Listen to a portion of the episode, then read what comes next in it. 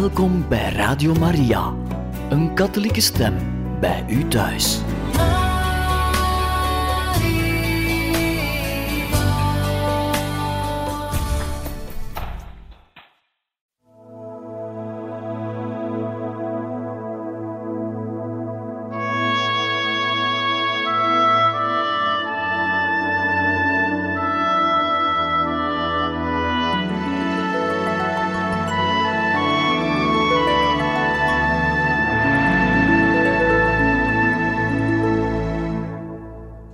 Beste luisteraars van Radio Maria, welkom in het programma Heiligen Getuigen, waar we verder voorlezen uit het leven van de heilige zuster Faustina.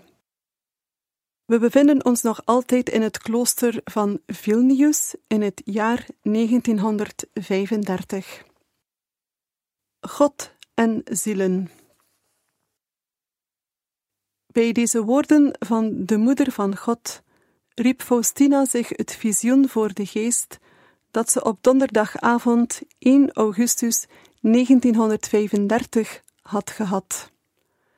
Het was tijdens de aanbidding voor het Heilige Sacrament, die zij voorafgaand aan de eerste vrijdag van de maand hield.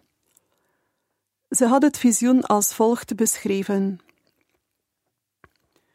Toen ik voor de aanbidding kwam, werd ik onmiddellijk door een diepe inkeer gegrepen.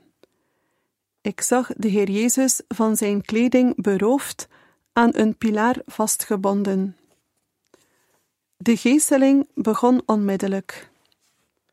Ik zag vier mannen die de Heer om de beurt met geesels sloegen. Mijn hart stond bijna stil bij het zien van deze martelingen. De Heer zei tegen mij: Ik leid zelfs nog heviger pijn dan die jij ziet. Jezus liet mij weten om welke zonden, om welke zonden hij zich aan de geesteling onderwierp. Dit zijn de zonden van onreinheid. O, hoe ontzaglijk was het morele lijden van Jezus tijdens de geesteling. Toen zei Jezus tegen mij: Kijk en zie het menselijke geslacht in zijn huidige toestand. Na een ogenblik zag ik vreselijke dingen. De beulen verlieten Jezus en andere mensen begonnen hem te geeselen. Zij namen de geesels en sloegen de Heer op genadeloze wijze.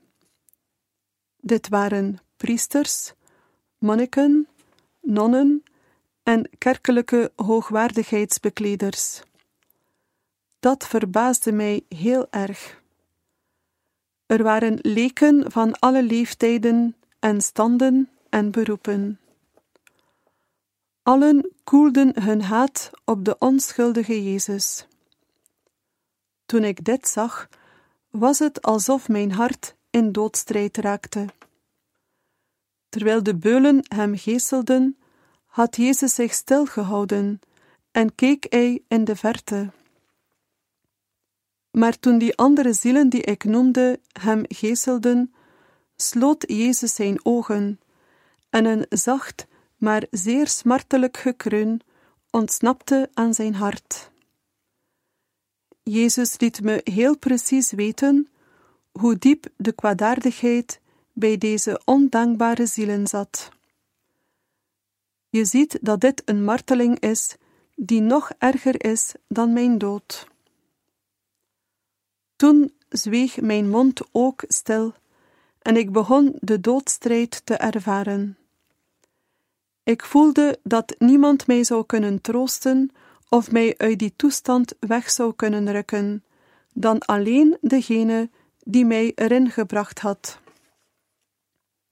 Toen zei de Heer tegen mij: Ik zie de oprechte pijn van je hart. Die bracht grote troost voor mijn hart.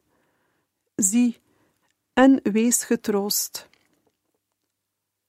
Toen zag ik de Heer Jezus aan het kruis genageld. Nadat hij er een poosje aan gehangen had, zag ik een menigte zielen die net zoals hij gekruisigd waren. Toen zag ik een tweede menigte zielen en een derde. De zielen van de tweede menigte waren niet aan hun kruisen genageld, maar hielden die stevig vast met hun handen. De zielen van de derde menigte waren niet aan hun kruis genageld en hielden ze ook niet stevig vast met hun handen, maar ze sleepten hun kruisen achter zich aan en waren ontevreden. Toen zei Jezus tegen mij: Zie je deze zielen? Zij die in de pijn en in de verachting die ze lijden op mij gelijken, zullen ook in de heerlijkheid op mij gelijken. Zij die in pijn en verachting minder op mij gelijken, zullen ook in de heerlijkheid minder gelijkenis met mij vertonen. Van de gekruisigde zielen behoorden de meesten tot de geestelijkheid. Ik zag ook een paar gekruisigde zielen die ik kende, en dit gaf mij grote vreugde. Toen zei Jezus tegen mij: Je moet morgen tijdens je meditatie nadenken over wat je vandaag hebt gezien. En onmiddellijk verdween Jezus en ging van mij weg. De volgende morgen voelde Faustina zich te ziek om de mis bij te wonen. Toch kon ze op een of andere manier vanaf haar bed zien dat haar biechtvader op dat uur een mis opdroeg in de Sint-Michaelskerk. Gedurende deze tijd zag zij het kind Jezus. Tegen het einde van de mis verdween het visioen en bevond ze zich weer, net als voor die tijd, in haar cel. Ze schreef: Er kwam een onbeschrijfelijke vreugde over mij, omdat ik, alhoewel ik niet in onze kapel naar de mis kon gaan, in een kerk die daar ver van verwijderd lag, bij de mis geholpen had. Jezus heeft voor alle dingen een oplossing. Een week later voelde Faustina zich zo ziek dat ze in haar cel in elkaar zakte. Vanwege haar devotie voor het lijden van Jezus negeerde ze de pijn. Ze was vastbesloten om haar donderdagavondaanbidding te houden. Toen ze de kapel bereikte, kreeg ze er een inwendig begrip van dat God niet alleen voor onze goede daden, maar ook voor onze oprechte voornemens om die te doen, een groot loon voorbereidt. Wat een grote gunst van God is dat, noteerde ze. Ze dacht er nog het volgende over. O, hoe zoet is het om voor God en de zielen te arbeiden. Ik wil geen verademing in deze strijd, maar ik zal tot de laatste ademtocht voor de glorie van mijn koning en Heer strijden. Ik zal het zwaard niet aan de kant leggen, totdat hij me voor zijn troon roept. Ik vrees geen slagen, want God is mijn schild. Het is de vijand die bang voor ons behoort te zijn, en wij niet voor hem. Satan verslaat alleen de trotsen en de lafhartigen, want de nederigen zijn sterk. Niets zal een nederige ziel verwarren of doen schrikken. Ik vlieg doelgericht naar het middelpunt van de zonnewarmte. Niets kan mij op lagere hoogte doen vliegen. Liefde staat niet toe dat zij gevangen genomen wordt. Ze is vrij als een koningin. Liefde bereikt God. Bijzondere genaden. Op een andere dag hoorde Faustina na de heilige communie deze woorden: Jij bent onze woonplaats. Op dat moment ervoer ze de tegenwoordigheid van de heilige drievuldigheid, de Vader, de Zoon en de Heilige Geest in haar ziel. Zij voelde dat ze de tempel van God was, een kind van de Vader. Ze beschikte niet over woorden waarmee ze dit allemaal kon uitleggen, maar met haar geest begreep ze het heel goed. Zij overwoog toen: O oneindige goedheid, hoe diep bukt u zich naar uw ellendig schepsel? Als zielen alleen maar ingekeerd zouden willen zijn, zou God onmiddellijk tot hen spreken, want verstrooiing overstemt het spreken van de Heer. Het gebeurde steeds vaker dat ze met de heilige drie-eenheid verenigd werd. Faustina werkte met grotere trouw met Gods genaden mee. Op een keer zei de Heer tegen haar: Mijn dochter, neem de genaden aan die door anderen veracht worden. Ontvang er zoveel als je kunt dragen. Op dat moment werd haar ziel overstroomd met de liefde van God. Ze schreef: Ik zie naar geen geluk uit, behalve dan in mijn eigen binnenste waar God woont. Ik verheug me erover dat God in mij woont. Hier vertoef ik eindeloos met Hem. Hier bestaat mijn grootste vertrouwelijkheid met Hem. Hier woon ik met Hem in veiligheid. Hier is een plaats waarin het menselijk oog niet doordringt. De heilige maagd moedigde haar aan om op deze wijze met God in verbinding te staan. Nu Faustina zich inwendig in volkomen geluk verheugde, was ze niet meer bitter gestemd als zij door lijden getroffen werd. Evenmin liet ze zich door een grote vertroosting meeslepen. Vrede en gelijkmoedigheid werden de kenmerken van haar leven.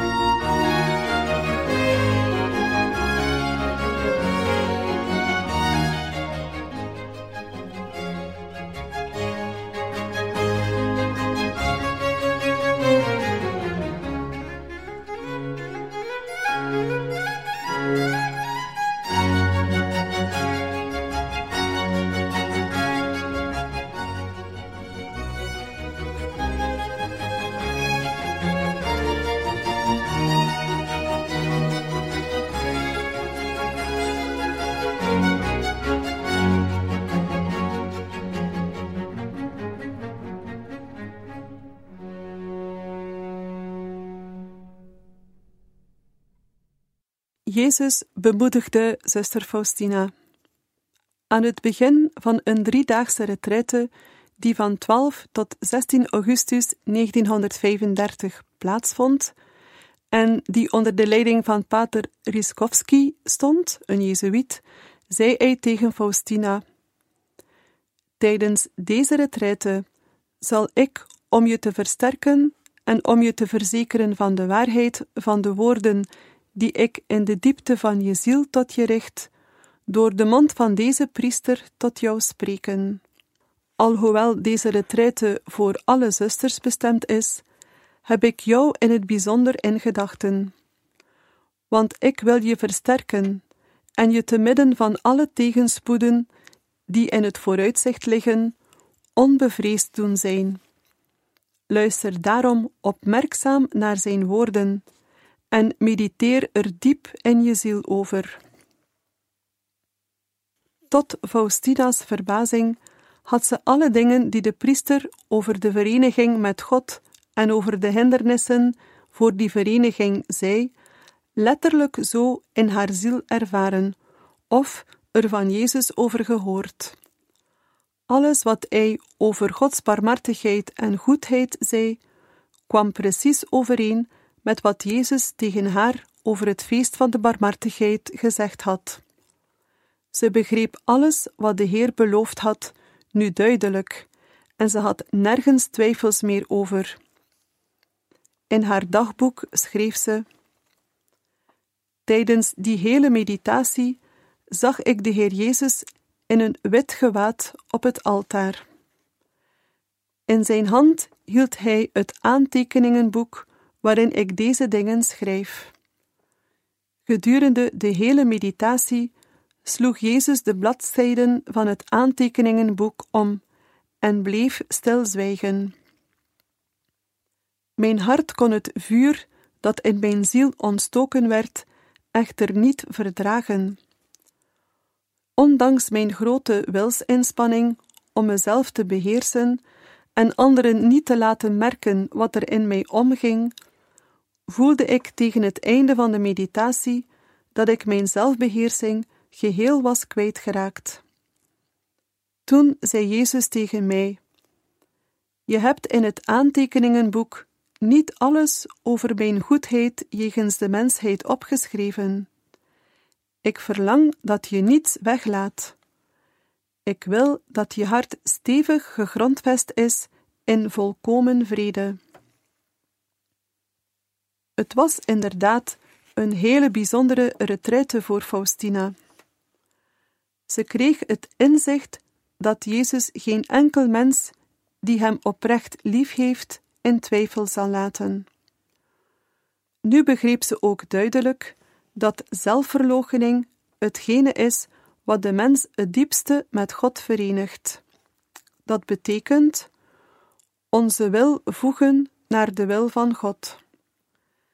Dit maakt de mens echt vrij, draagt bij aan de diepe inkeer van de geest, maakt alle lasten in het leven licht en de dood zoet.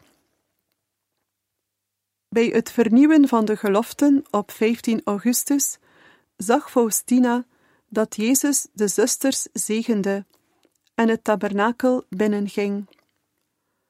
Plotseling kwam de moeder van God in een wit gewaad en een blauwe mantel, maar met een onbedekt hoofd vanaf het altaar naar Faustina toe. Ze raakte haar aan, sloeg haar mantel om Faustina heen en zei: Offer deze geloften voor Polen, bid voor haar.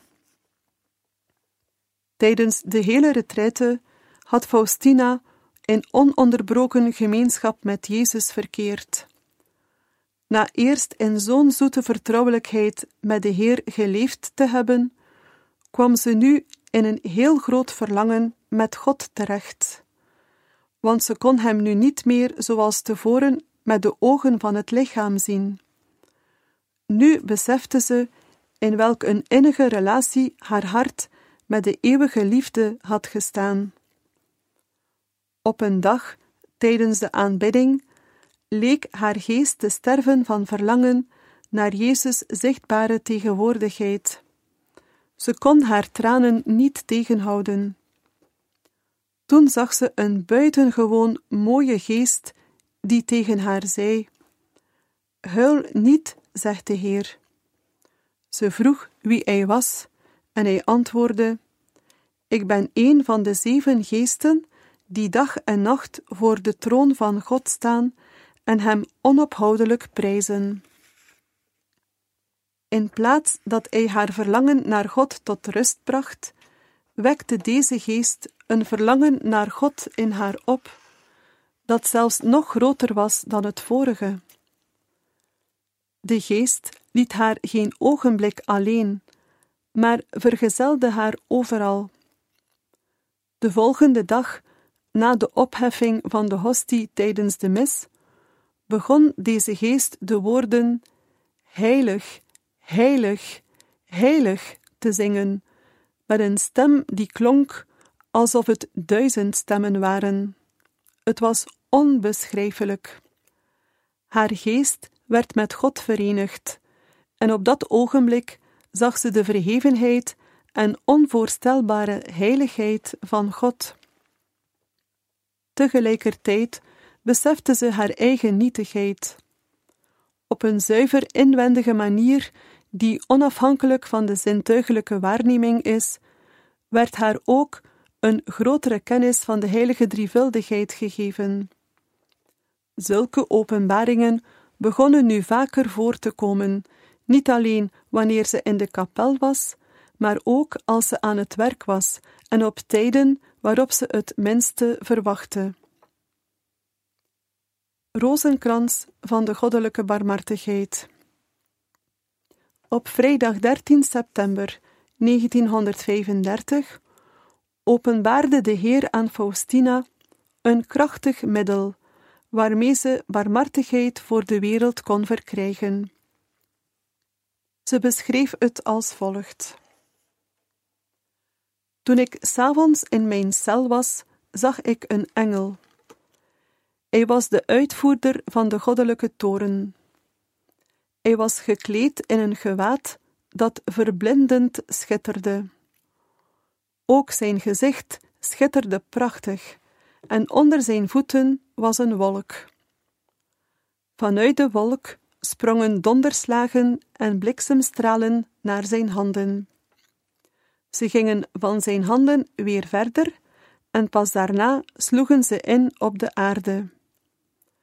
Toen ik dit teken zag van de goddelijke toren, die op het punt stond de aarde en in het bijzonder een bepaalde plaats, die ik om goede redenen niet zal noemen, te treffen, begon ik de engel te smeken zich een ogenblik op afstand te houden. De wereld zou boete kunnen doen, maar mijn pleidooi richtte in het geheel niets uit tegenover de goddelijke toren. Toen zag ik ineens de allerheiligste drievuldigheid. Ik werd diep getroffen door de grootheid van hun majesteit, en ik durfde mijn smeekbeden niet te herhalen. Precies op dat moment voelde ik innerlijk de kracht van Jezus' genade die in mij woont. Toen ik mij van deze genade bewust werd, werd ik ogenblikkelijk opgetrokken tot voor de troon van God.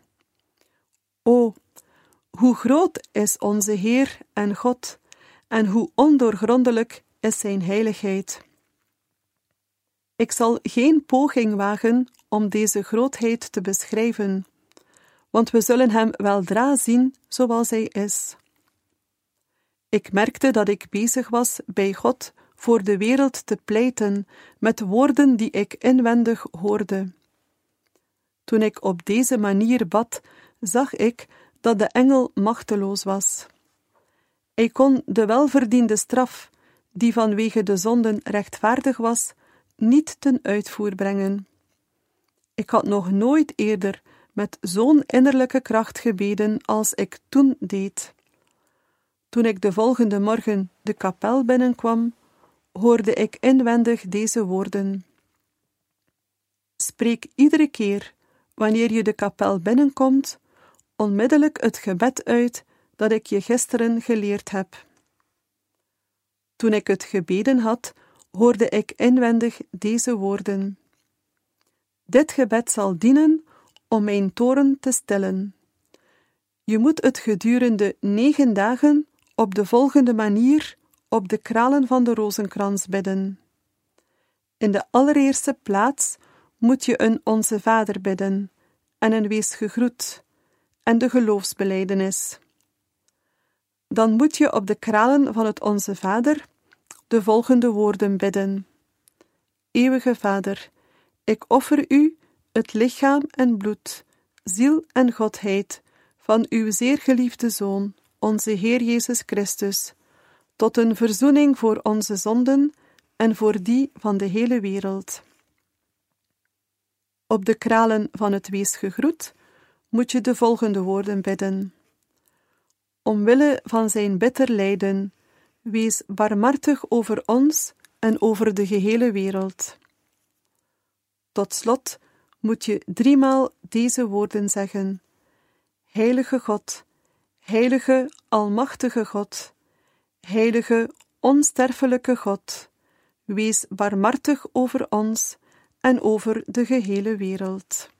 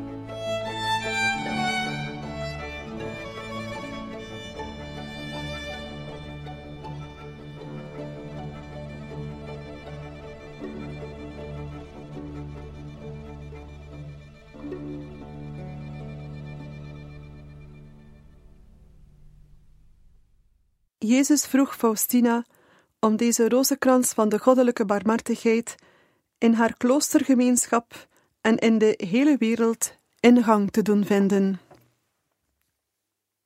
In 1936 liet pater Michael Sopocco deze rozenkrans door de uitgeverij Cebulski te Krakau op de achterkant van een bedprentje te drukken.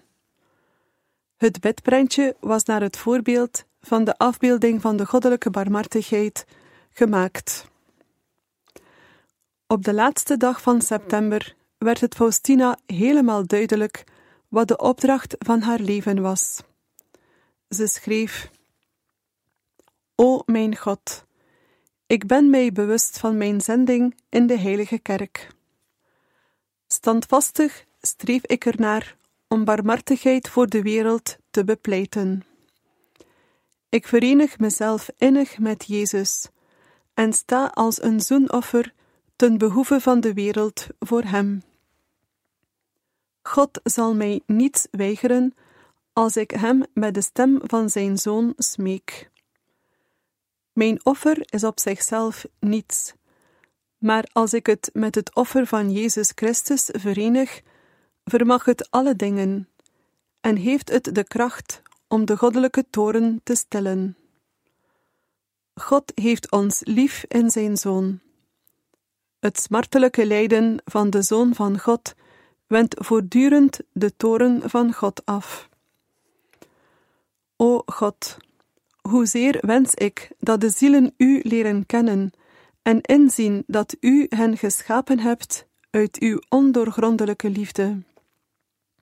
O mijn Schepper en Heer, ik denk dat ik het voorhangsel van de hemel zal gaan verwijderen, zodat de aarde niet aan uw goedheid zal twijfelen. Jezus, maak van mij een zuiver en aangenaam offer voor het aangezicht van uw Vader. Jezus, vorm mij, ellendig en zondig als ik ben, om in uzelf, want u kunt alle dingen doen, en geef me aan uw eeuwige Vader. Voor u wil ik een geofferde hostie worden, maar voor de mensen een gewoon stukje ouwel. Ik wil dat de geur van mijn offer alleen aan u bekend is. O eeuwige God, er brandt in mij een onuitblusbaar vuur van smeekbeden om uw barmhartigheid. Ik weet en begrijp dat dit mijn taak is, hier en in de eeuwigheid. U zelf hebt mij gezegd dat ik over deze grote barmhartigheid en over uw goedheid moet spreken. Achtdaagse retraite en meer over de nieuwe congregatie. Faustina bereidde zich erop voor om naar Krakau te gaan, om een achtdaagse retraite te houden en tevens gehoor te geven aan een verzoek van Pater Sopocco omdat deze namelijk niet tot zekerheid kon komen over de ingevingen die Faustina voor de stichting van de nieuwe congregatie kreeg, wilde hij een andere priester over deze zaak raadplegen. Om deze reden zei hij tegen Faustina dat ze van alle opdrachten die Jezus haar betreffende de nieuwe kloostergemeenschap gaf, aan haar vroegere biechtvader pater Jozef Andras verslag moest uitbrengen. Op 19 oktober verlieten Faustina en haar medezuster Antonia Vilnius met de trein. Ze onderbraken de reis eerst nog om het klooster in Warschau te bezoeken. Tijdens de reis werden ze vergezeld door Faustina's beschermengel. Alleen Faustina kon hem zien. Toen ze bij de poort van het klooster kwamen, verdween hij en verscheen pas weer toen ze in de trein stapten die van Warschau naar Krakau ging. Faustina zag hem naast zich zitten. Hij was in gebed verzonken en mediteerde over God. Haar gedachten volgden de zijne. Toen ze de kloosterpoort bereikten, verdween hij opnieuw. Tijdens deze retraite had Faustina van het begin tot het einde een groot verlangen om Gods wil te doen. Maar ze kende ook ogenblikken van bekoring en innerlijke onrust, en daarna bleef ze op bepaalde punten met een gevoel van zwakheid en uitputting achter. Haar onrust werd door twee dingen veroorzaakt. Ten eerste het besef dat ze uit zichzelf niets kon, en ten tweede het feit dat ze deze kloostergemeenschap, waarvan ze hield, op Jezus' verzoek spoedig zou moeten verlaten en een andere gemeenschap stichten. Op de tweede dag van de retraite belegde de overste een ontmoeting met pater Andras in de spreekkamer. God gaf Faustina de genade om zich in volledig vertrouwen uit te kunnen spreken. Na afloop van het gesprek ervoer ze diepe vrede en kreeg ze licht over de gespreksonderwerpen. Pater Andras gaf Faustina de raad om niets zonder de toestemming van haar oversten te doen. Omdat ze haar eeuwige geloften in deze congregatie had afgelegd, vond hij dat het klaarblijkelijk Gods wil voor haar was dat ze bleef waar ze was. Als ze in eenvoudigheid en in deze geest van gehoorzaamheid verder zou gaan, zou God niet toestaan dat ze een vergissing beging.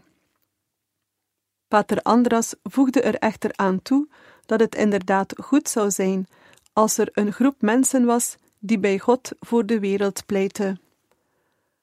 Faustina nam zijn raad aan en maakte er een van haar retraitevoornemens van. Het feest van Christus Koning werd op de laatste zondag van oktober gevierd. Op die dag bad Faustina vurig dat Jezus koning van alle harten zou worden en dat zijn goddelijke genade in iedere ziel zou schijnen. Jezus zei tegen haar: Mijn dochter, je brengt mij de grootste eer door trouw mijn wensen in te willigen. Op de laatste dag van de retraite zag Faustina Jezus tijdens de mis. Hij zei tegen haar: Jij bent mijn grote vreugde. Jouw liefde en jouw nederigheid zorgen ervoor dat ik mijn hemelse troon verlaat en mijzelf met jou verenig. Liefde vult de afgrond op die er tussen mijn grootheid en jouw nietigheid bestaat. Hoewel ze in een oceaan van liefde ondergedompeld was en zich in Jezus verloren had, dacht Faustina niettemin aan anderen.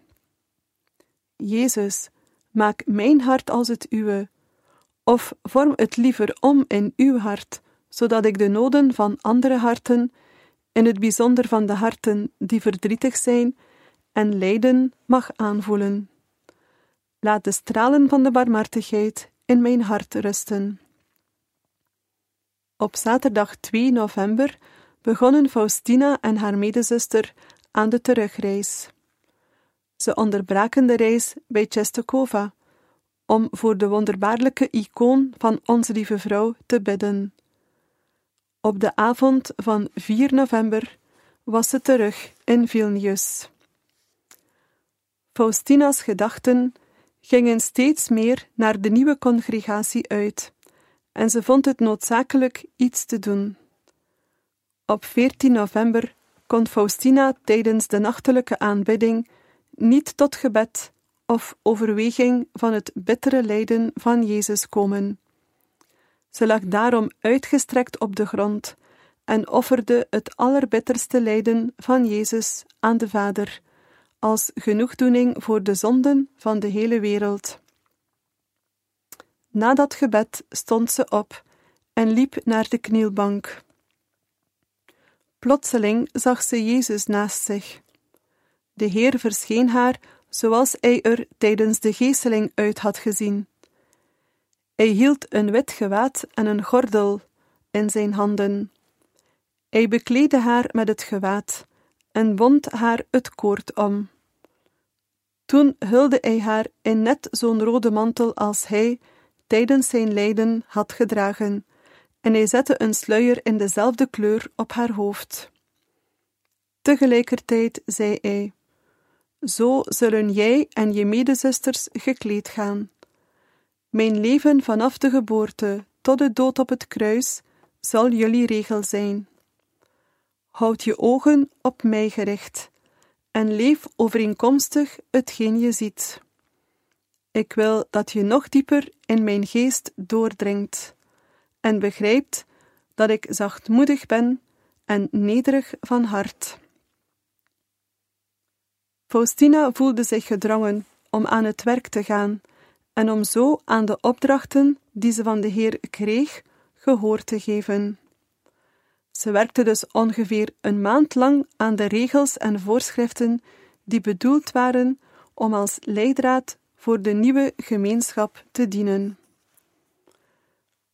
Beste luisteraars van Radio Maria, wij beëindigen hier voor vandaag het voorlezen uit het leven van de heilige zuster Faustina. Wij danken u heel hartelijk voor het luisteren en graag tot een volgende keer.